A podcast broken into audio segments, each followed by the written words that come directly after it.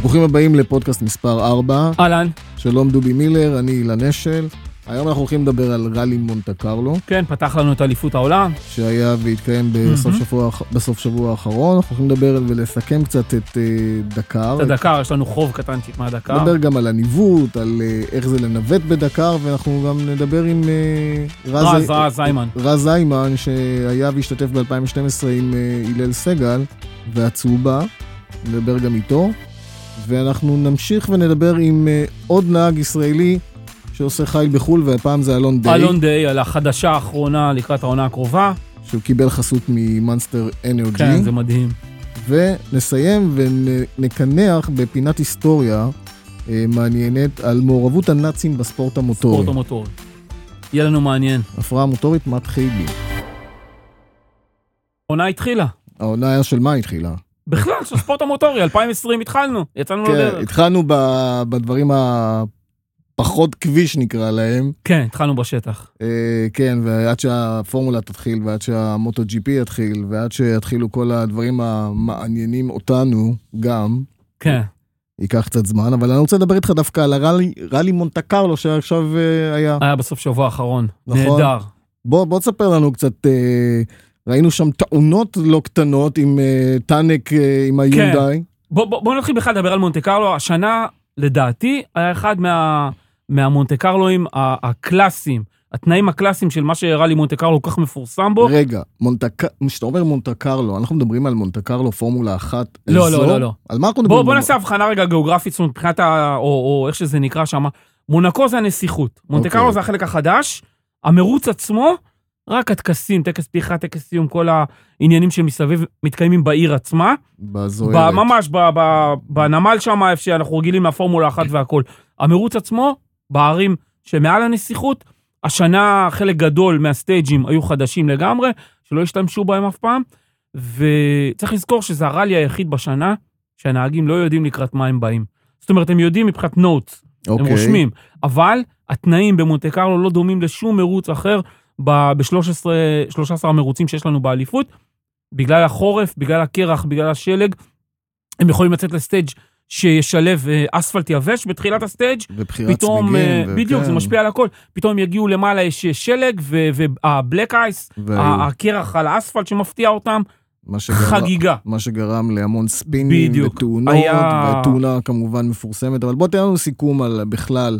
אז הק- הקרב הגדול היה, זאת אומרת, אה, אה, בין יונדאי לטויוטה. מה שהיה צפוי, בעצם עוד אה, דיברנו על זה גם בפודקאסט הקודם, לפני פתיחת העונה, טויוטה עם סגל נהגים חדש. סבסטיאן אוז'יה, אקס אלוף עולם, אלפין אוונס בתור נהג מספר 2, והם באו, את הסחורה הם סיפקו. הם היו מהירים, הם היו טובים. אוונס נתן בראש, הפתיע את כולם שמה. אוקיי. ויונדאי קצת חרקו, זה התחיל עם התאונה של אה, טאנאק ב stage הרביעי ביום, אה, תאונה, ביום זה שישי. משהו מטורף. מטורף. אתה יודע, אני ראיתי את זה וחזרתי לראות את הסרטון עוד מאה פעם אחר כך. הראו את זה דרך אגב מכל הכיוונים, מכל ומכל הכיוונים. הזוויות, וזה היה- איך שלא תראה את זה, זה לא... זה היה מחריד. זה נראה, זה נראה קשה מאוד. נכון, וה- והנקודה ש- שהייתה הכי, אותי הכי עניינה, זה מתוך הרכב, לראות מה קורה לצוות בתוך הרכב. אה, תכף ניגע בזה ספציפית. אוקיי. ובעצם, ככל שהרע להתפתח, נוצר ראש חץ, שלושת הראשונים, אה, אבנס, סבסטיאן אוז'ה של טויוטה, מול אה, טיירי נויביל של יונדאי, ונויביל זינב בהם, אבל כאילו לא הצליח לעקוץ. הגיע יום ראשון בבוקר, ארבעה סטייג'ים לסיום הראלי, והוא נתן להם בראש. הוא ניצח את כל הארבעה סטייג'ים של היום הקובע, ובעצם יונדאי ניצחו את, ה... את הראלי הראשון העונה. טויוטה מקום כן. שני שלישי, אבל תשמע, אם... מונטה קרלו לא מבשר כלום לעומת העונה. התחילה, אבל אם, התחלה אה, של אה, עונה, אם זה נותן לנו מה יהיה בהמשך, התחלה יפה מאוד. אנחנו מרוצים. בוא כן. באמת, אה, בוא באמת נדבר על, אתה יודע, אנחנו כל הזמן מדברים, ספורט מוטורי ומסוכן, ו- ו- ואין ספק שאנשים נהרגו, ו- ו- ו- ורמת הבטיחות, אבל קח את התאונה הקשה הזאת של טאנק, שכמו שאמרנו, מכל זווית נראית, מפחיד. נראית לא טוב. ממש, ממש. מי שרואה את- ראה את התמונות של אחר כך שחילצו את הרכב, האוטו מרוסק אבל בוא נדבר רגע באמת על הבטיחות. על הבטיחות. יש שם כלוב, הכלוב עשה את העבודה שלו בכלל, הבטיחות הפסיבית של המכונית עשתה עבודה נהדרת. גם, גם בצילומים מתוך הרכב, מה שהזכרתי קודם, רואים, הצוות לא זז, הכיסאות עוטפים אותם כמו שצריך, הכלוב שומר על המבנה הבסיסי של המכונית, ועם כל הנזק, ותאונה, היא תאונה מפחידה. הם יצאו בלי לא פגע. נזק, בלי כלום, וזה ממש, אתה יודע, אה, אה, נקודת אה, זכות אדירה למאמצים של, ה, של הקבוצות, של ה-FIA, בכל העניין הזה של הבטיחות של, ה, של הנהגים. אם אתה משווה את זה היום, נגיד למה שאנחנו גדלנו בשנות ה-80, זה עולם אחר. זה עולם אחר לגמרי. ומתאונות קשות כאלה יוצאים וחוזרים לנהוג. יוצאים וחוזרים, במקרה הזה פשוט לא היה להם רכב להמשיך, אבל הם אה, יצאו והכל בסדר. אתה יודע, שנייה אחר כך כבר אה, אה, ציוץ ב, באינסטגרם, אה, שהם, אה, שהם סיפרו על התאונה והכל, וככה חזרו ל- תגיד לי, דובי, למסלול. כנווט, מהמם. כנווט ראלי, יש לנו מנווט בארץ למשפחת בן ארי. לאייל בן ארי, כן. ליד בן ארי, וניווטת בעבר. ל- לניר, לאבא שלו, בצוות. אה, דרך השטח. כן.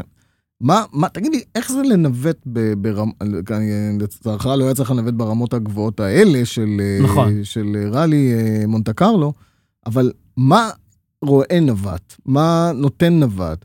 האם אני אהיה יותר מהיר ללא נווט? עד כמה הוא משפיע? מה, מה המשמעות של נווט? תראה, השפה היא אותה שפה, זאת אומרת, גם אם אתה מנווט אה, בשיטת ניווט שלנו, של אה, אייל ושלי בארץ, או אם אתה מתחרה באליפות העולם, השיטה היא אותה שיטה, השפה היא אותה שפה. הבסיס אומר, שלה, תיאור, אומר, תיאור של הדרך מבחינת מרחקים אבל בוא, וזוויות פנייה. אבל בוא נחדד, אתם לא יודעים, לא נהגתם בתוואי הזה אתה עובר כן? עליו, אתה עובר עליו אה, פיזית? לפני המרוץ פיזית, פיזית? עם המכונית, במהירות איטית, אוקיי. רושם את ה notes, את המחברת שלך. שוב, אתה רושם את זה בהתאם לשפה שבינך לבין הנהג. אתה מתאר את הפנייה במספרים, מאפס, איזה פנייה עוצ- איטית איזה מאוד, עוצמה היא, איזה כן. זווית היא. בדיוק, מאפס, פנייה איטית מאוד, לשש, פנייה flat out, ומרחקים שבין הפניות, ועוד כל מיני דברים קטנים בדרך, אה, אה, הערות ש, שאתה רוצה עם עצמך, אני לא אחשוף פה את כל הסודות שלנו, כי בכל זאת זה עובד לנו מצוין, אוקיי. אבל, אה, אבל זה שפה, שפה מאוד, שהיא היא, היא חלק מהתקשורת, כשהרעיון הוא, הנהג לא באמת יודע וזוכר את כל הדרך. בכל זאת, זו חתיכת סטייג'ים, ואתה מתאר לו את הדרך, ומח- אתה מקריא תמיד פנייה לפני. זאת אומרת שהנהג יוצא מפנייה מסוימת, הוא יודע מה הלאה, מה המרחק, מה הולך לבוא? הוא יודע בדיוק. מה הולך לבוא. וככה הוא יודע גם למדוד את המהירות כניסה, מהירות יציאה ואת הזווית של הרכב, כי אתה רוצה, אתה רוצה בעצם להיות בקצב, בזמן, לרקוד עם המכונית, ו... ולא לאבד את הזמן. ללא נווט אה, באותה נהיגה, איזה הבדלים אנחנו אמורים לקבל? תראה, נהג הנ... טוב, הנ... נהג נהג טוב. טוב, גם נהג הכי טוב שבעולם, יהיה הרבה יותר זהיר, כי כמה אפשר לסמוך על הזיכרון בסטייג'ים ארוכים. זאת אומרת, זה לא נהיגת מסלול שאתה חוזר וחוזר וחוזר, אז אתה מכיר את המסלול בעל פה, זה נהיגה ארוך, זה סטייג'ים ארוכים, אתה חייב לדעת לקראת מה אתה הולך, אה, הנקודות בלימה שונות, זאת אומרת, ברגע שאתה יודע לקראת מה אתה הולך, אתה יכול לבלום הרבה יותר מאוחר. אוקיי. אתה יכול להחליק את המכונית אחרת, להיכנס במהירות אחרת. אתה- פשוט תחשוב, לא, לא, עם ברור. עיניים סגורות, עם עיניים פתוחות, אותו כן, דבר. אתה אומר לי מה, חלק מהעניין. מה, מה, למה, מה מצפה לי, ממש מה, ככה. ואז אני יודע איך להיכנס לזה, איך אני איך לצאת מזה. בדיוק, עכשיו חלק, חלק מה, מה, מה, מהכיף, שואלים, אומרים לי, אתה משוגע, מה אתה מנווט, נוסעים ככה פה שם, ואנשים רואים סרטונים שלנו מכל המרוצים והכל, זה נראה מפחיד. ואני אומר שנווט טוב, שיושב ברכב ומקריא במחברת, ואם הנהג מקשיב, אתה מרגיש את זה בתחת. אתה מרגיש את זה במותניים, אתה מרגיש שהאוטו עושה את מה שהקראת. זה תקשורת טובה בין נווט לנהג. נכון, ולשמחתי אני יושב ליד נהג מצוין, אז זה בכלל טוב. תגיד לי, אתה רואה משהו או שאתה רק בספר? אה, תלוי, אם זה קטעים פתוחים, סטייג', אה, זאת אומרת, אה, יש כרגע ישורת של 200-300 מטר, אתה מרים את הראש ואתה מסתכל קדימה. שאתה, שאתה, שאתה יודע את זה מהספר, כשאתה יודע את מן זה הסתם. מהספר, אתה יודע בדיוק את המרחקים שבאים והכל, אז אתה יכול לתזמן את זה. זה, ו- זה, זה אומר שרוב הזמן אתה עם הראש למטה. אתה עם הראש למטה ואתה מרגיש. אתה פשוט מרגיש את המכונית, לא- ממש איך הנהג אה, לא. מכין אותה. לא מפחיד? לא, ממש לא. כי אתה יודע שאתה יכול לסמוך על אה, זה שיושב בצד שמאל שלך, ואתה יודע הכלוב. שהוא עושה מה עושה. כן, תשמע, פה ושם קורים דברים. קרו? אבל, אבל דרך אגב, קרה, קראו? קרה לי, אה, עם אייל לשמחתי עוד לא קרה לי, מקווה גם שלא יקרה, אבל קרו בעבר, גם התרסקתי עם מכונית ב- עם אה, נדב, הנהג הראשון שניווטתי לו לפני 12-13 שנה, משהו כזה, אוקיי. במהירות השנה שלנו, התרסקנו, פשוט התרסקנו והכל. אתה סומך על הכלוב, אתה סומך על הכיסא, על ו- החגורות, על והנה הקסדה, אתה פה איתנו. ואני פה, כן. יפה, יפה, יפה, יפה. אז אה, להיות נווט בראלי זה נחמד, וזה זה כיף. מעניין. תגיד לי, אה, אם אנחנו מדברים, ומה- במעבר לנושא הבא שלנו, זה לדקר שהסתיים לא מזמן, א', תן, תן לנו איזה, יש הבדלים בכלל בין, בין ניווט בראלי זה שונה לגמרי. לניווט ב- בדקר? אין קשר כמעט. שזה כי פה... אתה, ההבדל הגדול, קודם מרחק. כל, הש, המרחק, והשיטת ניווט היא אחרת. או, על זה ב- רציתי לדבר איתך. בדיוק, במרוץ כמו הדקר, אתה משתמש בעצם בספר דרך שאתה מקבל מהמארגנים. הלוא אתה לא יכול לעבור על כל הדרך ולרשום אותה אלפי לא עוברים. קילומטרים, הם לא עוברים. הם לא עוברים. אתה מקבל ספר דרך, ואתה מקבל תיאורים של מרחקים וצמתים או פניות או מכשולים. אתה לא מקבל זווית של פנייה. אוקיי. עכשיו, אתה, אתה מחשב, זאת אומרת, דרך המחשב אה, ברכב, יש לך את המרחקים, אתה בספר דרך אתה מקריא לנהג את המרחקים בקילומטרים, ב, ב, בלי יותר מדי תיאורי פניות ו, ועניינים חדים, אלא יותר מה, מה הולך לקרות בעוד חצי קילומטר, בעוד קילומטר, וכיוון כללי. עכשיו, הנהג נוסע לשביל, הוא צריך לסדר את הנהיגה שלו לפי מה שאתה מקריא לו בספר דרך. זה, זה עולם אחר לגמרי, זה ניווט. בראלי הרגיל, אתה בעצם מקריא את הדרך במרחקים מאוד מדודים, מאוד קצרים, 30, 50 מטר, 80 מטר, דברים שהם טק, טק, טק, טק, טק. ב rally raid יכול להיות מצב, ו- וקרה לי נגד מרוץ שהתחרתי ביוון, שהוא rally raid, שגם קילומטר אתה לא צריך לדבר. כן. פשוט קילומטר, נוסע ישר. straight, straight. כן, עכשיו זה לא באמת ישר, אבל לא כל עיקול קטנצ'יק אה, מופיע בספר דרך. שזו שיטה אחרת לגמרי. זו שיטה אחרת לגמרי, עולם אחר. אני רוצה שנדבר קצת, אה, נסכם קצת את הדקר על, אה, על, על כל ההיבטים, על, אה, כמובן על המנצחים וכמובן על ההשתתפות של אלונסו. כן, אני חושב שהדקר אה, ניצח הנהג, הוא, הוא, הוא היה טוב, אוקיי? קרלוס סיינס נתן בראש, איזה אגדה הוא. אבל ראית אגדה. שהניסיון שלו כבר משחק תפקיד, וכמה שהוא נהג תותח, אגדה מהלכת. הוא לא השתולל, הוא עשה מינימום טעויות, הוא קבע זמנים מהירים, הוא ניצח בסטייג'ים, ו, וגם כשדיברו איתו בסוף כל יום, בסוף כל קטע נהיגה, הוא היה כל כך בטוח בעצמו ורגוע ושלם. זאת אומרת, סיינס הקלאסי מהתקופה של אליפות העולם בראלי, כל הביא- כך נהניתי לעקוב אחרי זה. הביא את כל הניסיון. ממש, הביא ממש. את כל הניסיון שלו. הוא ו- לא נקלע לטעויות שמע, הוא נהג ולשטויות. מעולה. הוא נהג מעולה. שמע, בכל זאת, אין, ברור. אין אה, פעמיים אלוף עולם אה, בראלי, ניצח את הדקר כבר, זה לא שהוא לא יודע לקראת מה הוא הולך. אופנועים, מצוין. אופנועים הונדה לקחו. הפעם. הונדה הפתיעו, זאת אומרת, הפתיעו, אבל דיברנו על זה בפודקאסט שד- שעשינו פרומו לדקר, אמרנו שהשנה התחרות באופנועים תהיה יותר אה, צמודה, והנה הונדה שיחקו אותה. אה, אני חושב שזה טוב, זה טוב ל- לעולם הדו-גלגלי. ה- פותח קצת. פותח, בדיוק ככה, פותח. אתה יודע, אנשים לא אומרים, אוקיי, עוד פעם KTM, עוד פעם KTM. אלא הנה הונדה, הביאו יופי של אופנוע. שמע, ו- נתנו תחרות שם ראויה. כן, ממש. זאת אומרת, למרות ש- שהיו, הקרבות היו יחסית צמודים, אבל אה, היה כיף לראות שלא לא רק KTM מנצחים. כמובן שיש גם את הבשורה העצובה של ה... שם גוזלבש, כן, כן. אה, עצוב, ולפני יומיים התבשרנו על רוכב אה, נוסף ששכב בבית חולים מתאונה, שהוא נפטר מהפצעים שלו, וזה כואב, אבל אתה יודע, להגיד שזה חלק מהספורט זה לא נכון, אבל זה חלק מדברים ש... זה חלק מהדקר. חלק מהדקר, בדיוק. לצערי הרב, זה בדיוק. חלק מדקר, ודקר ללא הרוגים זה דקר יוצא דופן, עכשיו, לצערי. זה גם לא משהו שאפשר למנוע אותו. זה לא משהו שאפשר למנוע אותו, כי, כי זה חלק מהסיכונים של המרוץ הזה. תשמע, אני רואה את האופנועים, איך שהם טסים, בדיוק. והוא לא יודע מה בא, ואם בא איזה דיונה עם סכין... תראה, או- קח, אתה יודע מה, בוא, בוא, עזוב את האופנועים, אפילו התאונה של, של אלונסו, יום לפני כן, הסוף או משהו כזה, כן, בדיונה שם, כן, מעל, כן. הוא, הוא לא ידע בדיוק לקראת מה הוא הולך. זה, זה פאטה מורגנה. זה הוא בדיוק. לא... אז תחשוב מה היה קורה עם אופנוע, כולם אומרים, שם. מה, אתה לא רואה שאתה הולך לי לעוף? לא, הוא לא לא רואה. לא רואה. אתה כבר בדז'ה וו כזה של... בדיוק, ממש שאתה ככה. רואה רק חול וחול וחול. עכשיו, אני לא רוצה לחשוב מה היה קורה אם איזשהו אופנוע היה מפספס שם. ומרחף אה, בריחופים כאלה, אז כמו שאלונסו התגלגל אז שם. היו שם שוטים אה, מעולים מהמסוקים. נכון. שראית, שתשמע, שאני, אני אומר לך, מהירויות כאלה באופנועים ובמשאיות, ואתה אומר, אתה אומר מילא ברכבים של אה, אלונסו, בטויוטות וכאלה, מילא, אוקיי. ממוגנים, כן. כולם, האופנועים לא ממוגנים. לא אבל- ממוגנים בכלל, בדיוק, זה לא, זה לא העניין. אני, אה, אבל אני רוצה להגיד לך שאחד הדברים שככה כל הזמן מגרד לי, זה מתישהו לעשות, לא את הדקר, אבל לעשות איזשהו ראלי רד עם אופנוע. זה- אני כל כך מעריך את היחולות של הרוכבי אופנועים זה כבר לא במרוצים רצים האלה. עם דובי, זה... זה. זה רוכבים. אבל באמת, כאילו, הקטע של ה...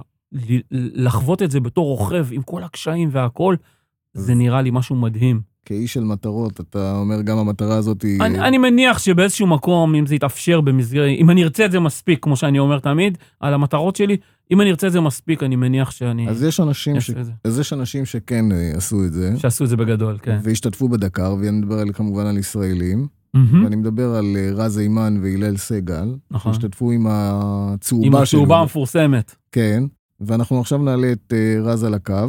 רז זה דובי, מה העניינים?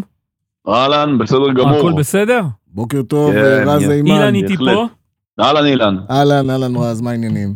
פיקס. רז, אנחנו דיברנו פה על הדקר ועל אה, ישראלים שהשתתפו בדקר, וכמובן שאתה והלל, שהשתתפתם בדקר, רצינו לשמוע ממך, דרך אגב, מתי זה היה? אה, 2012 הפעם האחרונה. עם אה, רכב ב... עם הצהובה בדרום אמריקה. אוקיי, ולא, אני כאילו שומע שאתה אומר יש עוד פעם. כן, הלל עשה עוד שלושה באפריקה עם רכב, ואני עשיתי עוד אחד עם אה, אופנוע באפריקה. אוקיי, עכשיו בוא, בוא תספר לנו אה, עד כמה אנחנו מדברים על קושי, אנחנו רואים את, ה, את הדקר האחרון שהיה עכשיו בסעודיה, ואתם הייתם עם, אה, עם רכב הפעם, נכון? ב-2012 מצאו, דרגת הקושי, מה שאנחנו רואים, אני לדעתי זה, זה כלום ושום דבר. כמה מבאמת דרגת כן. הקושי בנהיגה כזאת אינטנסיבית? כן, האמת מה שרואים אה, בסיקורים היומיים, זה קודם כל את הראשונים, איך שהם אה, עפים קדימה, ומגיעים בשעות אה, נורמליות למחנה. אז אה, זה נראה מאוד זוהר ומאוד אה, עושה חשק, אבל אה, רוב הצוותים, בוא נגיד הממוצעים, אה, עוברים עליהם ימים ארוכים, וכשהם מגיעים למחנה, אה, בדרך כלל זה יהיה לקראת אה, חשיכה, יש להם עוד הרבה דברים לעשות. אה, כל אחד אה, כתלות בצוות שמסייע לו, בין אם זה צוות טכני ובין אם זה סתם אנשי מנהלה מסביבו, אז אה, כל אחד עם החבילה שיש לו להכין למחרת. להכין את הרכב, אתה מדבר. אז גם, כן. קודם כל, הדבר המרכזי זה באמת להכין את הרכב, אבל מעבר לזה, לנווט יש אה, לקבל את הספר דרך ולהכין אותו ל- למחרת. זה לבד יכול לקחת אה, שעתיים. אוקיי. אה, לאכול ארוחת ערב, אתה יודע, לבנות את האוהל, אם אתה ישן באוהלים, כמו שאנחנו עשינו ב-2012, לבנות את האוהלים, לקפל אותם. הכל אתם הייתם עושים. גם, גם טיפלנו ברכב, יצאנו אז ממש בהכי basic שיש בעולם. כמה שעות נוהגים ביום כזה? בגדול, בין שמונה לעשר, אה, כשזה מורכב לא רק מה special עצמו, הקטעי שלוקח, קישור שהם הקטעים הארוכים יותר אפילו לפעמים. נכון, בדיוק, הם לוקחים אה, אפילו יותר זמן. למרות שהשנה אה. בסעודיה קיצרו אותם. כן, נכון, השנה סך הקילומטרים בראלי כולו היה הרבה- 7,500 בערך. כן. זה נמוך ממה שעשינו אז בדרום אמריקה, שזה 9,000, או. אפילו 11,000 שעשינו. בסילקווי ב-2016. אוי ואבוי. אוי ואבוי. כן. תנסה כן, לשתף אותנו רגע רז ב- בקושי, אה, גם בתור נהג וגם בתור אה, נווט, בקושי של הניווט ב- במרוצים כאלה. נווט פחות, כי רז נהג יותר.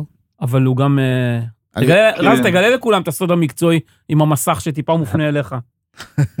לא, כן, אני, אני פוזל, תשמע, הרקע שלי הוא ניווט. אה, אופנו, כאופנוען, התחרתי כאופנוען בכל שנות ה-90 בהרבה מאוד רעלים, וכשאתה אופנוען אז אתה כמובן אה, גם מנווט, ועם הכישורים האלה הגעתי לשידוך עם הלל, אז אה, אני פוזל ימינה למסכים קצת, ואני יכול, אתה יודע, לתרום טיפה, לעזור פה ושם בניווט להלל. כשאתה אומר עשר שעות נהיגה, אתה מדבר על כן. עשר שעות אינטנסיביות, כאילו נהיגת מסלול שאני לא יכול לה- לא- להזיז את הראש לשנייה? אז אה, העשר שעות נחלקות לשניים, לקטעי ספיישל שהם מדודים בזמן ושם נקבע המיקום שלך במרוץ, ולקטעי קישור. אוקיי, אז קטעי קישור אתה נוסע על הכביש, 90, 100 קמ"ש זה סקובי דו. אה, אבל אז כן, כמה אתה שעות נוהג אה, נטו, אז כמה שעות נטו זה הנהיגה החזקה יותר? תחרותית, כן, התחרותית. בגדול משהו סביב החמש, אה, שש שעות ביום. אה, אה, לפעמים גם שמונה, כן? אבל בוא נגיד בגדול. אוקיי, התחלת... ושם כן, אתה מרוכז מאוד. והתחלת להגיד שהייתם חוזרים, אני מניח, בערב, די הרוגים, צריכים עכשיו להכין את כל הדברים, להכין ספר דרך, להכין את הרכב, וגם לישון בין היתר. זה, זה החלק, ה- אני חושב, בעיניי לפחות היותר קשה, כי כשאתה נוהג, כמה שאתה צריך להיות uh, מרוכז וכמה שעות שזה לא לוקח, זה כיף, כן? כל עוד אתה לא חופר את עצמך בדיונה מאיזה תקיעה, אתה יודע, מבאסת, אבל uh, לרוב אתה נוהג, וזה זה הכיף שבכל הסבל הארוך הזה. ואתם נהגתם וכשאתה ב- מג- בדיונות האלה, המטורפות, האינסופיות? אם מה עשינו? אם נהגתם בדיונות האינסופיות? אה, ודאי, בטח, בטח. ב- בעיקר אני זוכר בפרו, דיונות שהן מאוד מאוד מורכבות. אתה יודע, יש דיונות, כל מיני סוגים, יש דיונות שהן אה, כאלה גליות, ארוכות, והן די ברורות, וההפרשי גובה הם אה, לא גדולים, או שהם מאוד אה, ברורים ואחידים.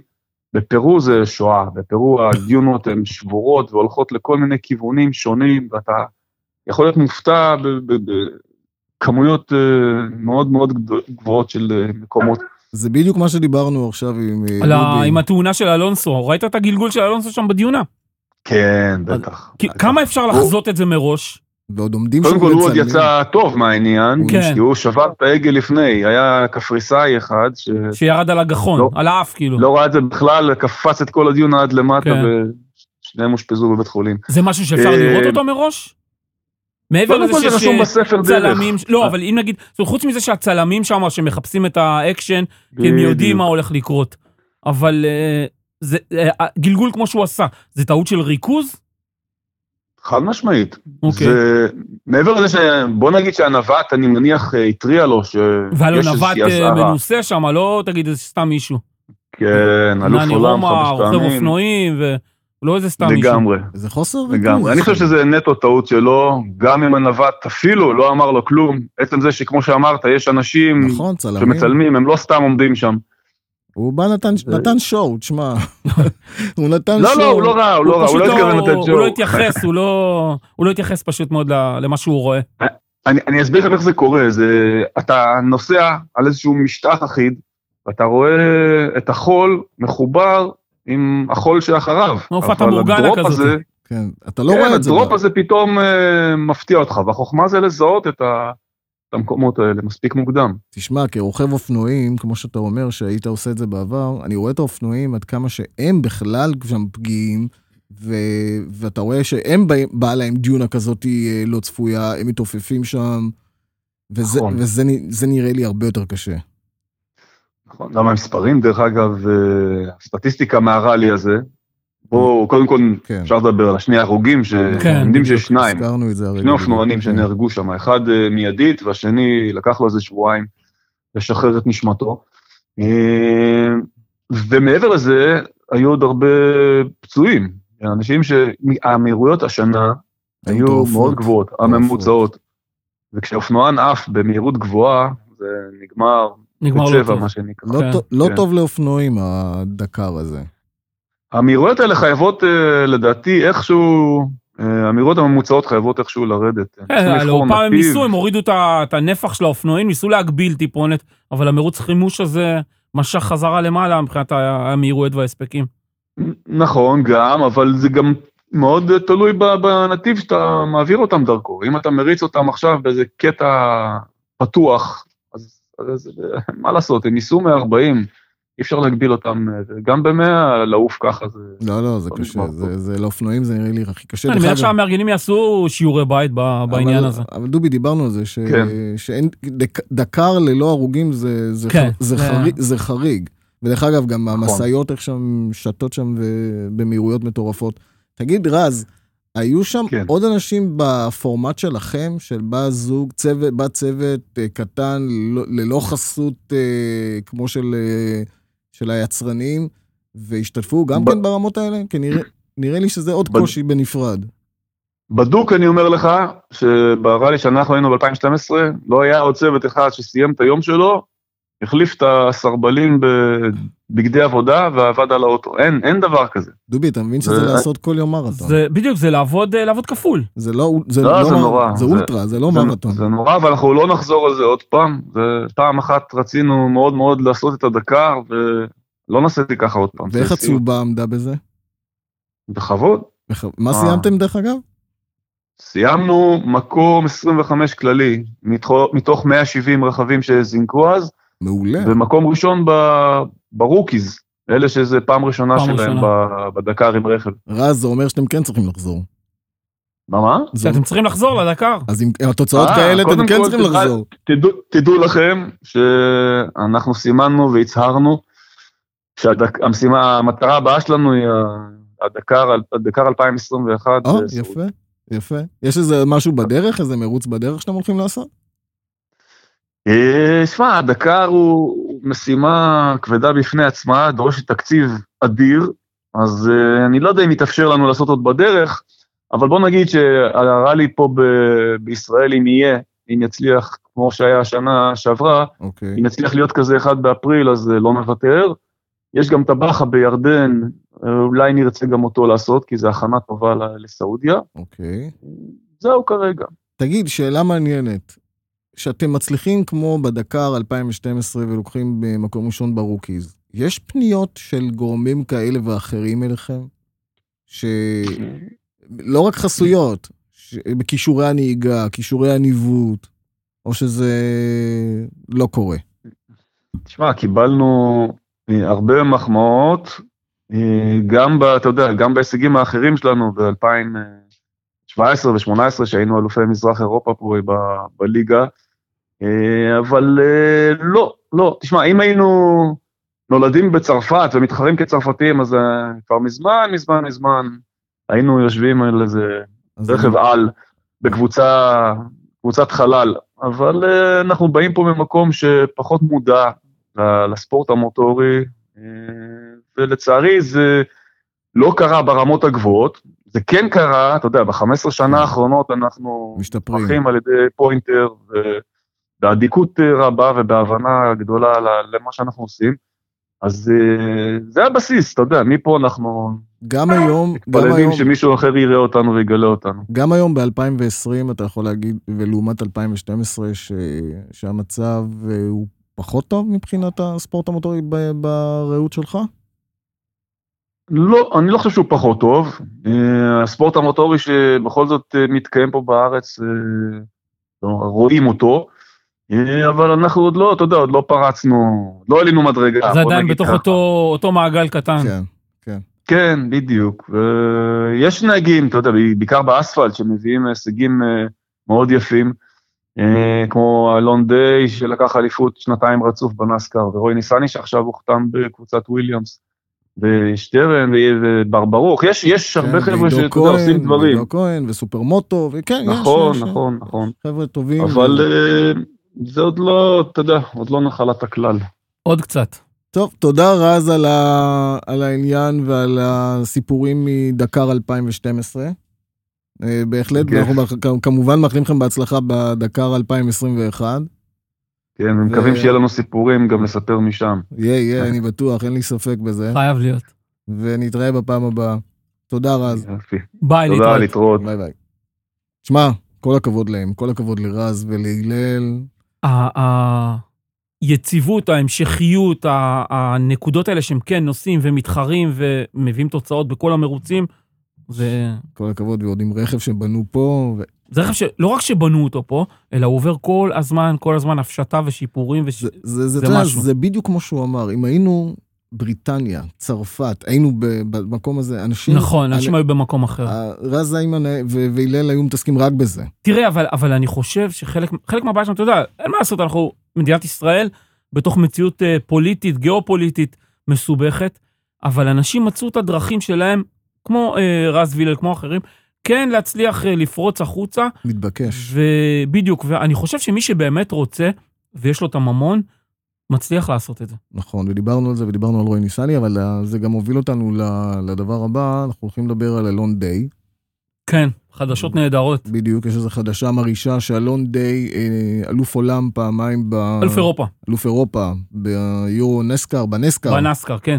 בנסקר, הולך לקבל אה, ולהשתתף בעונה הבאה, בעונה הזאתי, בעונה הקרובה, 2020. 2020, שוב. כן, הוא חידש אה, כאילו היה איזשהו ערפל בסוף העונה האחרונה שהוא זכה באליפות, היה איזשהו ערפל קטן סביב מה יהיה הלאה, והחדשות הגיעו השבוע שהוא חתם חוזה בקבוצה בלגית, שהיא מהטופ של, ה, של הסדרה הזאת, היו מתחרים ישירים של אלון בשנים האחרונות, ומקבל חסות מספונסר ענקי, ממונסטר, מה שאמרנו. כן, מונסטר אנרג'י שנותנת לו חסות. ואיתנו על הקו אלון דיי, אהלן, מה שלומכם? בסדר גמור. מעולה. דובי פה בדיוק מספר אה, את החדשה המרעישה שאתה הולך שוב לנהוג בנסקר האירופאי, נכון. והפעם עם קבוצה חדשה. בוא, בוא תספר לנו קצת על מה הולך לקרות, על איזה קבוצה מדובר, וכמובן על אה, חסות שאתה הולך לקבל מענקית אה, משקאות האנרגיה מונסטר. מונסטר אנרג'י. עד כמה זה משמעותי, עד כמה זה גדול הדבר הזה, עד כמה זה באמת ישפיע עליך כ... כספורטאי, כנהג מוטורי, כנהג מרוצים. אה, אוקיי, נתחיל רגע מההתחלה. אה, כל השנים שנהגתי באליפות אירופה בנסקר, נהגתי תמיד תחת אה, אותה קבוצה, קבוצת קאר האיטלקית. אה, זכיתי איתם ב-20 ניצחונות, אה, שתי אליפויות, ועוד אה, מגוון, ערימות של פודיומים ו pole position ים ו fastest lap, ובאמת, אה, השגתי איתם עולם ומלואו, שברנו הרבה שיאים במהלך כל הדרך. אה, אבל אתה יודע, לכל, לכל איזושהי תקופה יש לה גם, לכל סיפור יש סוף בסופו של דבר. אוקיי, ו...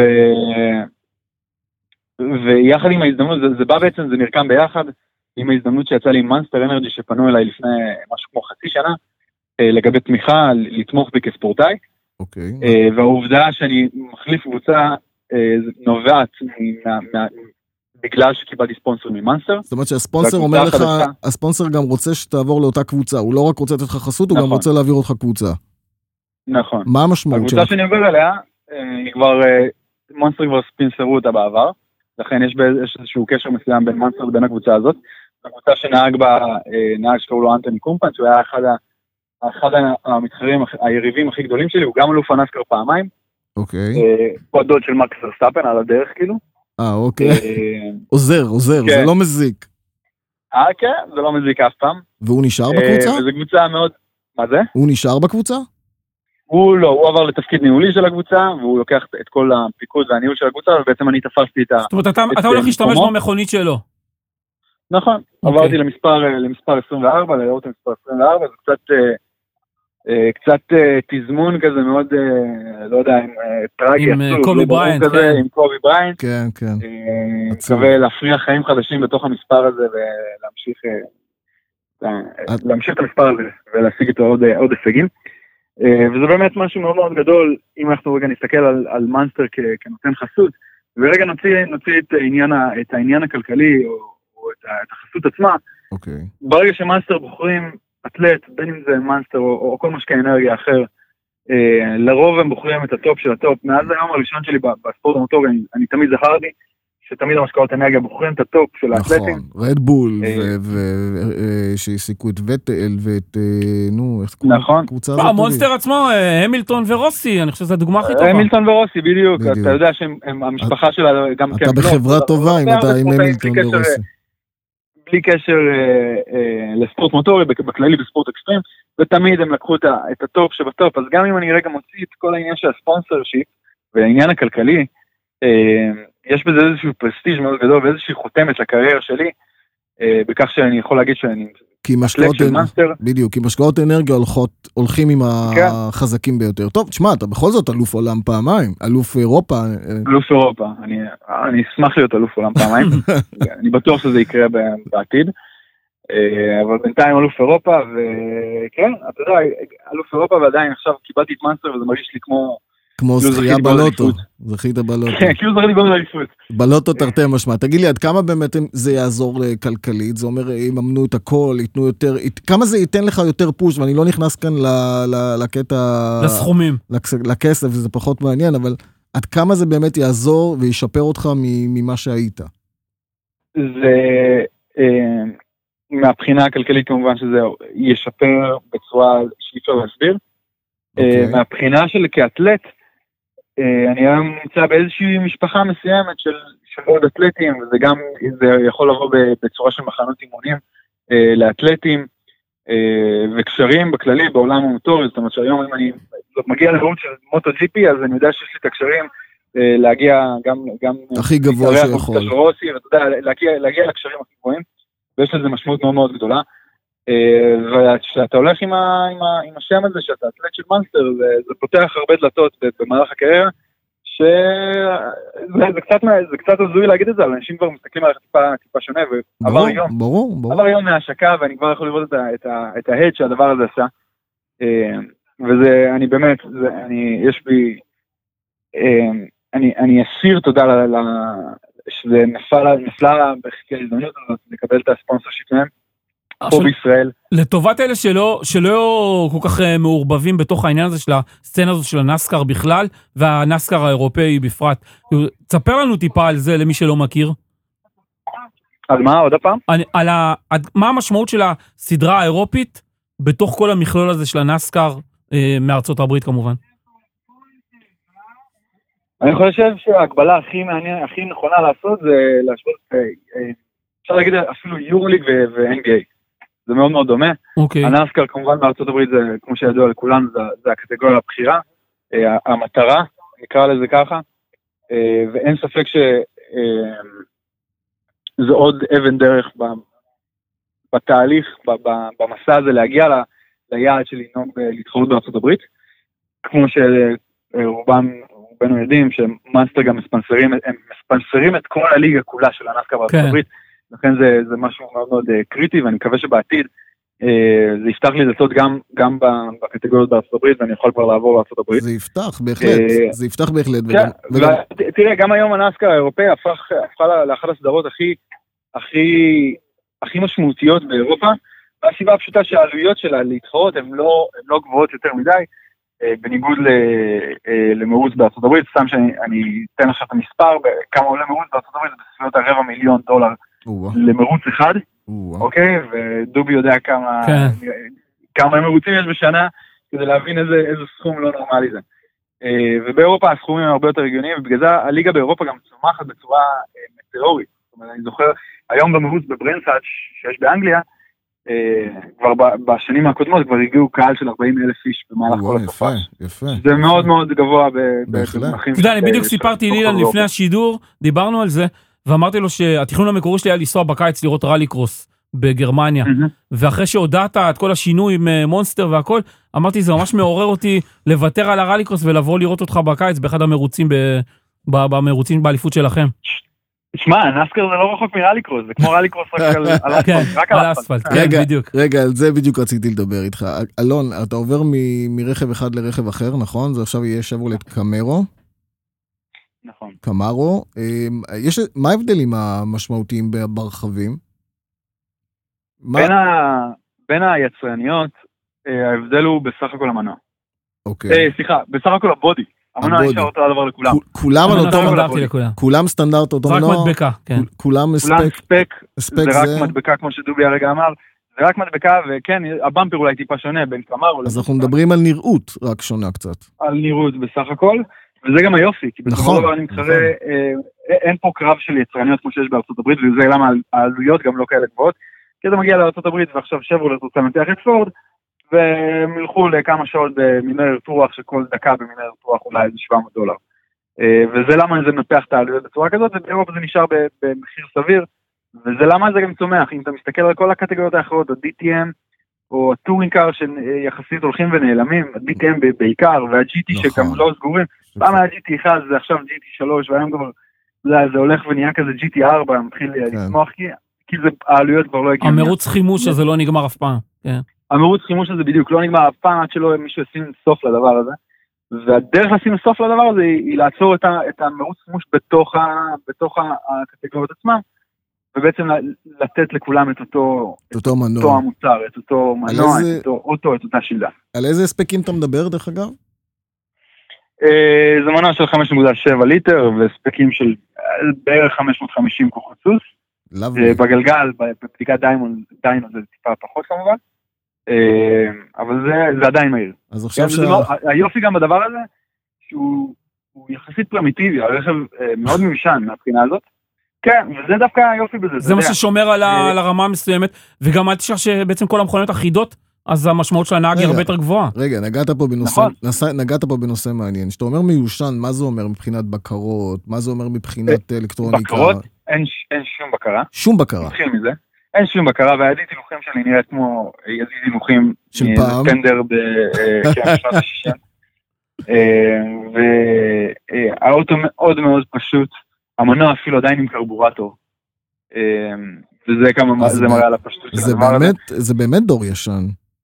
כן, זה דור ישן, וזה מה שאנשים גם אוהבים לראות, אתה יודע, בסופו של דבר, זה יוצר איזשהו עניין, קודם כל עצם זה שהליגה היא spec, זה יוצר עניין כי אה, ההבדל בין המקום האחרון לבין המקום הראשון זה, זה בסך הכל בנהיגה, זה בנהיגה עצמה, זה כמעט ולא ב setup של האוטו. אה, ולכן אתה יכול לראות את הקרבות הרבה הרבה יותר צמודים, והיה לי קרבות השנה שסיימתי אותם על... וואו, השנה זה היה על ממש... אה, עשירית המילימטר, ו- כן, על- כן. כאילו, העשירית השנייה. וגם נגיעות, נגיעות וכאלה. פגע אצלנו במרוצים הוא די, אה, הוא דבר די בשגרה, וזה חלק מהעקיפות, ו bump and run וכל זה- ה bump draft וכל הדברים האלה, זה זה חלק מהשגרה. זה זה מה של שיוצר גם... אני אני שמעתי זה שמועה. שז'אק וילנב, במקום סמל של האוטו, שם אה, לוח מטרה כזה עם הקסדה שלך. היה איזשהו קצר, אה, היה איזשהו קצר שזה אה, עם ז'אק וילנב, וקצת מוזר אה, למצוא את עצמי, אה, אתה יודע, מה, מתלהה, כאילו מגיע לאיזשהו מצב של ריב בפדוק מול מול אלוף עולם לשעבר בפורמולה אחת.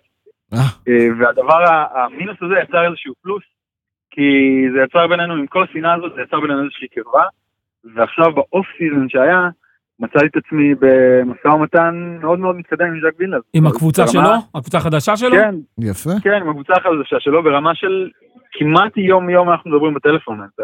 אה, זה יפה. זה הזוי כאילו להגיד את זה, אני- אני לא יודע כמה אנשים יכולים להבין את המצב הזה. אני חושב שבעצם זה שהוא. ראה, בדיוק, אני חושב שעצם זה שהוא ראה שאתה לא מוותר ונלחמת בו ונתת לו בראש, הוא מעריך אותך יותר. לא, תשמע, לא רק זה. כן, והיה לנו את הדיבור, גם ש- שכאילו, והיינו מאוד קרובים לחתימה, ואומנם זה נפל בגלל מאנסטר וכל זה, אבל. היה לנו דיבור, והוא היה מאוד, אה, מאוד, אה, הוא בא, הוא הבין מי אני, ויש בינינו איזושהי הדדיות מסוימת, והוא רצה אותי בקבוצה כדי שאני אתרום גם לו, כי בסופו של דבר הוא לא רגיל למכוניות האלה. אה, הוא כן רגיל, הוא כן עשה באובלי בארצות הברית, אבל לא, אה, לא בסוג הזה של, ה, של המרוצים. הרכב באירופה הוא טיפה שונה מה, מהרכבים בארצות הברית שהוא היה רגיל אליהם. אה, תגיד לי, הוא מתחרה... בטוח אגב שהשנה הוא הולך להיות מתחרה מאוד מאוד בן כמה ז'אק וילנב? בן כמה הוא, דרך אגב?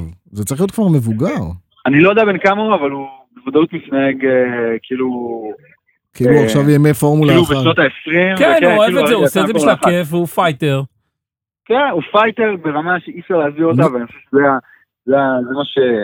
אז רגע, שאתה אומר... שמשאיר אותו במקום הזה, בכושר הזה גם. כשאתה אומר שהנהג של מאנסטר אנרג'י עובר לעמדת ניהול, אז מי באמת המתחרים העיקריים? ז'אק וילנב? יש את לוריס אלזמן, שהיה, הוא זכה באליפות בשנה שעברה, הוא גם יחזור השנה. אה, יש עוד, אה, עוד נהגים, הטימייט שהולך להיות לי השנה, הוא היה מתחרה מאוד מאוד חזק, הוא סיים במקום השלישי שנה שעברה. אה, אז אני, אני בטוח שהיריבות עדיין תישאר, פחות או יותר אותם יריבים יישארו. וכן, לא יהיה פשוט, זה בטוח. יהיה כל, מה- ש... כל שנה היריבות הולכת ונהיית יותר ויותר. קשה, ויהיה מעניין. מתי. העונה מתחילה?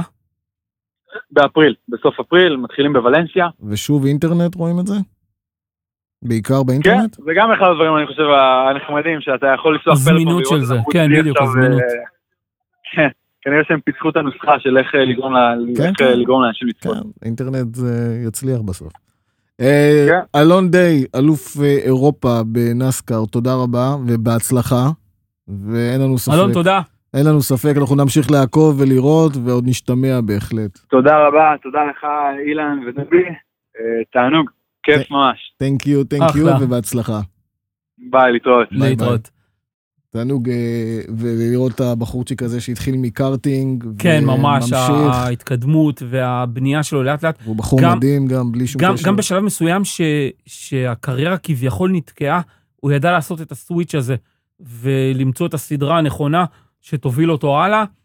ותשמע, הוא חי את החלום, הוא עושה את מה שהוא אוהב, הוא נהנה מזה, הוא חי מזה. וכמו שבאמת דיברנו ו- והרחבנו, זה, זה מאנסטר אנרג'י שנותנת חסות, זה ברמה, ברמה ענקית. זה, זה רמה עולמית, זאת אומרת, ו- זה ו- באמת קפיצת מדרגה מבחינת... כמו שאלון אה, אומר, זה ניהול. אוטו-קרה, זה מעין אוטו-קרה ומעין אה, אה, אה, חותמת, כן, סטמפה. מכירים ביכולות שלו, יודעים מה הוא שווה, שהוא יכול לייצג אותם. אתה יודע, זה סוג של ייצוג בסופו של דבר על המסלול שהוא יהיה, או בכל מצב אחר, שהוא עם, ה, עם הצבעים שלהם והכל.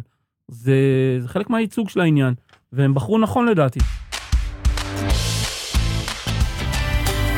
אנחנו רוצים אה, לעשות איזה פינה היסטורית, ובתזמון די אה, מתאים ליום השואה הבינלאומי, אנחנו רוצים לדבר, וגם זה שמרצדס אה, כבר לוקחת אליפויות פה אה, כל, כמעט כל שנה בשנים האחרונות, אנחנו רוצים לדבר על, ה, על מה שנקרא חצי הכסף, סילבר ארוז, סילבר ארוז והמעורבות של הנאצים בספורט המוטורי. בספורט המוטורי, זה כן. מעין פינת היסטורי, היסטוריה שידידי דובי אה, בקיא בזה. כן. בוא תן לנו קצת... אני, אני אה, אתחיל עם רקע למה, איך הגעתי לדבר הזה בכלל.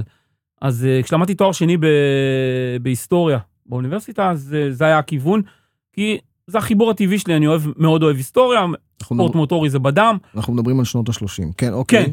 ו- והחיבור אה, החיבור היה טבעי מכלום, בהתחלה לא, לא ידעתי בכלל שיש משהו כזה, אבל עניין אותי פתאום באיזשהו, שמעתי משהו, קראתי משהו, זה קפץ לי לעין, ומשם התחלתי לחפור לעומק, ומסתבר שזה חתיכת דבר, המעורבות של הנאצים בשנות ה-30. אתה מדבר בעיקר על מרצדס? אני מדבר על בכלל על כל הספורט המוטורי הגרמני. אוקיי. בואו בוא נעשה צעד קטן אחורה.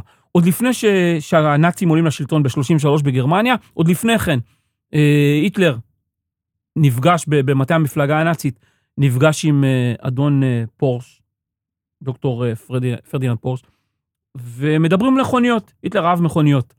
והוא אומר לו, ביום ש, שאני אהיה, הוא אומר לו את זה, יש, יש ציטוטים של זה, ביום שאני אהיה אה, הקאנצלר של גרמניה, אני אדחוף אותך קדימה. הוא אומר את זה אה. לפרדיננד פורש. כשצריך לזכור, היטלר תמיד החלום שלו היה המכונית להמונים, כן, והוא ממש היה בתוך זה. החיפושית המוכרת. הוא מהר מאוד, שוב, אני, אני מנקה בכוונה את, ה, את העניין של השואה והיהודים כרגע, בוא, בוא נתייחס לספורט המוטורי. אה, הוא מהר מאוד הבין את הכוח של הספורט המוטורי ככלי תעמולה של פרופוגנדה נאצית, ומה הוא יכול לעשות עם זה. ואז כשהוא עולה לשלטון ב-33, ממש קצת אחרי זה, הוא קורא אה, אה, לבוס של מרצדס אליו למשרד, והוא אומר לו, אני רוצה לתת לך צ'ק של 500 אלף מרק גרמני, תקים קבוצת מרוצים ותריץ אותנו קדימה. על איזה שנה? ל- 30 ו... 33. אוקיי. ותפאר את השם הגרמני של הטכנולוגיה הנאצית, כמה שהטכנולוגיה הזאת, הטכנולוגיה הגרמנית, היא עליונה וטובה. ואז אה, דוקטור פורש שומע את זה, מגיע להיטלר, למשרד, אומר, אתה זוכר מה הבטחת לי? ואז היטלר בהחלטה של אה, רגע, אומר, אוקיי, במקום ה-500 למרצדס, נחלק לשניים.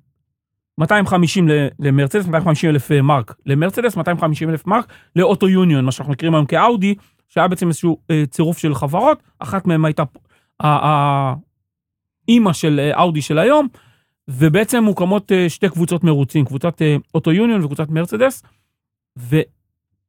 ומתחיל הפיתוח שם, מרוץ חימוש בין שתי הקבוצות האלה, שהם גילו עליונות מטורפת על כל מה שקורה מסביב. הייתה קבוצה כבר לאלפא, הייתה קבוצה לבוגטי. הם לא היו אה, ממש אה, פקטורים. ברות אה, תחרות, רק הבלחות פה ושם. אה, הקבוצות הגרמניות קיבלו תמיכה ממועדון המרוצים הגרמני. סגרו כבישים בגרמניה, כבישים ציבוריים בגרמניה, לטובת מבחני מהירות. האוטובן ש... אה, אה, שיוצא מברלין נסגר יום אחד, כי הם היו צריכות לבצע מבחני מהירות למשל. על איזה קטגוריה אתה מדבר? של רכבים? מה שאנחנו קוראים לזה היום פורמולה אחת, אז זה עוד לא נקרא פורמולה אחת, מרוצי גרנד פרי, שזה היה הטופ שבטופ אה, באותה תקופה, והם השתדלו להופיע לכל מרוץ. עכשיו, מי שיפתח היום גוגל וינסה להריץ תמונות, לחפש תמונות של המכוניות מרוץ האלה, בקושי ימצא תמונות עם צלבי קרס. מסתבר שכל התמונות בגוגל רוטשו ונמחקו צלבי הקרס מה, מהמכוניות. אבל עוד אפשר למצוא, יש לי גם ספרים בבית, שעל כל מכונית כזאת, גם של מרצדס וגם של אוטו יוניון, היה צלב קרס, היה אה, אה, בחור, בחור, קצין, נאצי, בשם אה, אדולף אה, אוהלינן, שהיה ראש הפרויקט כביכול, הוא היה ה- היושב ראש ההתאחדות הספורט המוטורי הגרמני, תקרא לזה ככה, ברמה כזו אחרת, והוא היה מגיע לכל מרוץ, והיה אחראי אה, להצדעות במועל יד ולטקסים שלפני המרוצים וההשמעה של ההמנון, והדגלים הנאצים כמובן. הנהגים חויבו להיות חלק מ- מ- מהמפלגה הנאצית. הם אה, פשוט הכריחו אותם, זה היה חלק מה, מהתנאי. אה, והכל לטובת העניין הזה. אם היה ניצחון אז אתה מדבר מ-33. מ-33 ועד 39, יש מתועד גם מרוץ ב-1940. תזכור, המלחמה, מלחמת העולם השנייה מתחילה ב-1 בספטמבר 39, באופן רשמי, ב-1940 היה מרוץ בבלגרד. אוקיי. עדיין אה, התקיימו מרוצים. קבוצות המרוצים הגרמניות ניצחו כמעט כל מרוץ, כמעט, לא את כל המרוצים, כמעט כל מרוץ אה, גרנד פרי הם שהתקיים באותה טובים תקופה. במכוניות. הם, אה, הם היו, הם יצרו מכוניות מעולות. עכשיו תשמע, בוא לא ניקח מהם באמת את הפיתוח הטכנולוגי. זאת אומרת, הם ידעו לבנות את המכוניות, והיו שתי מכוניות שונות, זאת אומרת, של מרצדס, לאוטו יוניון, שתי חשיבות, תפיסות שונות, אבל הם היו הראשונים, למשל, באוטו יוניון, שעשו מנוע מרכזי במכונית כזאת, היום אנחנו רגילים שהמנוע אתה נמצא מדבר באופן על טבעי. פורש. זה לא פורש, זה אוטו יוניון. על איזה, אז על איזה רכב אתה מדבר? אוטו יוניון, ככה קראו למכונית, אוקיי. שהיא מכונית, מכונית אה, אה, סינגל סיטר, אה, והם הם היו לא- הראשונים זה- ששמו את המנוע מאחור. מאחורי הנהג. היום זה משהו שהוא מובן מאליו. אחרי זה כבר כולם עשו את זה. אה, השתמשו במנועים מוקדשים, מקדשי על, לא טורבו, מקדשי על סופר צ'ארג'ר, ששימשו את המנועים האלה. הם, הם ידעו לשחק עם היחס בין המשקל להספק של המכונית. המכוניות האלה נבדקו במנהרות רוח. ממש מנהרות רוח. יש, אה, יש צילומים, כמה השקעה עכשיו. מדהים. הקבוצות האחרות אתה מדבר איתי על 39-40. עד, עד לפני אפילו, זאת אומרת, כן. כל, ה, כל ההכנות לקראת עד סוף 39, עד שבעצם הם סיימו את עונת המרוצים הזאת, אבל זה מדהים כמה, כמה השקעה וכמה באמת השתמשו בזה אה, בגרמניה.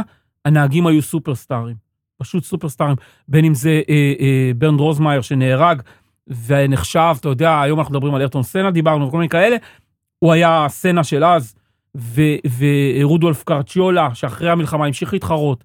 שני אייסים גרמנים ענקיים של התקופה הזאת, ו- והנאצים השתמשו בזה לכל דבר, ממש לכל דבר. הגרנד פרי הגרמני היה נחשב אז היהלום שבכתר מהבחינה הזאת, בנורבורגרינג הישן והמפורסם.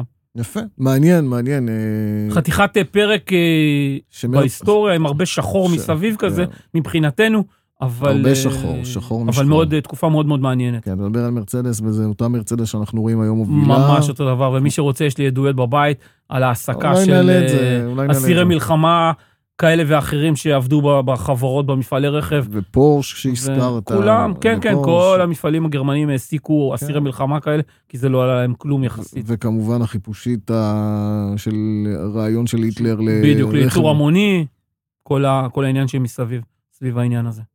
לפני הרבה שנים, כשרק התחלתי להתעסק עם העניין הזה כבר, וכבר הייתי די בקיא בחומר והכל, סיפרו לי על uh, תערוכה של קומיקס של ילד יהודי שמגטו טרזין, שהתערוכה מוצגת בגבעת חיים. עכשיו, אני את גטו טרזין מכיר מליגת הכדורגל שהייתה שם, הייתה שם ליגת כדורגל יהודית. אם תרצה, גם על זה אפשר לדבר.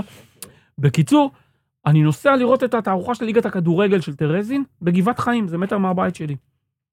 ואז, על הקיר יש לנו את התערוכה של העיתון קומיקס. ואני מסתכל על הקיר, ומשהו משך לי את העין. אני ניגש מקרוב, אני שואל את האוצרת שם של התערוכה, מה זה הסיפור הזה? מה, מה, מה, מה, זה, מה זה המרוץ מכוניות הזה? קומיקס של מרוץ מכוניות. היא אומרת, זה קומיקס של אה, ילד יהודי בגטו טרזין, שישב וצייר קומיקס של אה, מכוניות מרוץ, עם איזה מרוץ, עם רעים וטובים והכל. ואז אני אומר לה, אה, ממתי הציורים האלה? אז היא אומרת לי, נדמה לי 1941 או משהו כזה. הוא צייר את זה. הוא נכנס, הוא הכניס אותו לגטו קצת לפני זה, ואני אומר, את יודעת שזה ציורים של מכוניות אמיתיות? אז היא אומרת לי, מה זאת אומרת? הוא צייר אה, אה, את המכוניות של אוטו יוניון ושל מרצדס בכסף, בצבע אפור, ומכוניות אחרות באדום, ו, וזה היה מדהים. זה, זה היה מדהים לראות את זה, זאת אומרת, ואני אומר לה, אני אומר לה, זה אמיתי, ו- ואני, היא, היא, היא, היא כמעט התעלפה שם. כאילו, היא חשבה שהוא מהדמיון שלו ישב וצייר משהו, ציור וזה, והוא בעצם תיאר, שנתיים, שלוש אחרי שהוא כבר היה בתוך הזה, הוא תיאר איזשהו מרוץ שזה היה מדהים ה- ה- לראות את זה פתאום. תשמע, אני הייתי אז שם עם, עם אה, צמרמורת. בהחלט מעניין. תם הפרק אה, הרביעי של אה, הפרעה מוטורית. כן, היה לנו. מעניין. היה מאוד מעניין, ונתראה בפעם הבאה. להתראות. ביי ביי.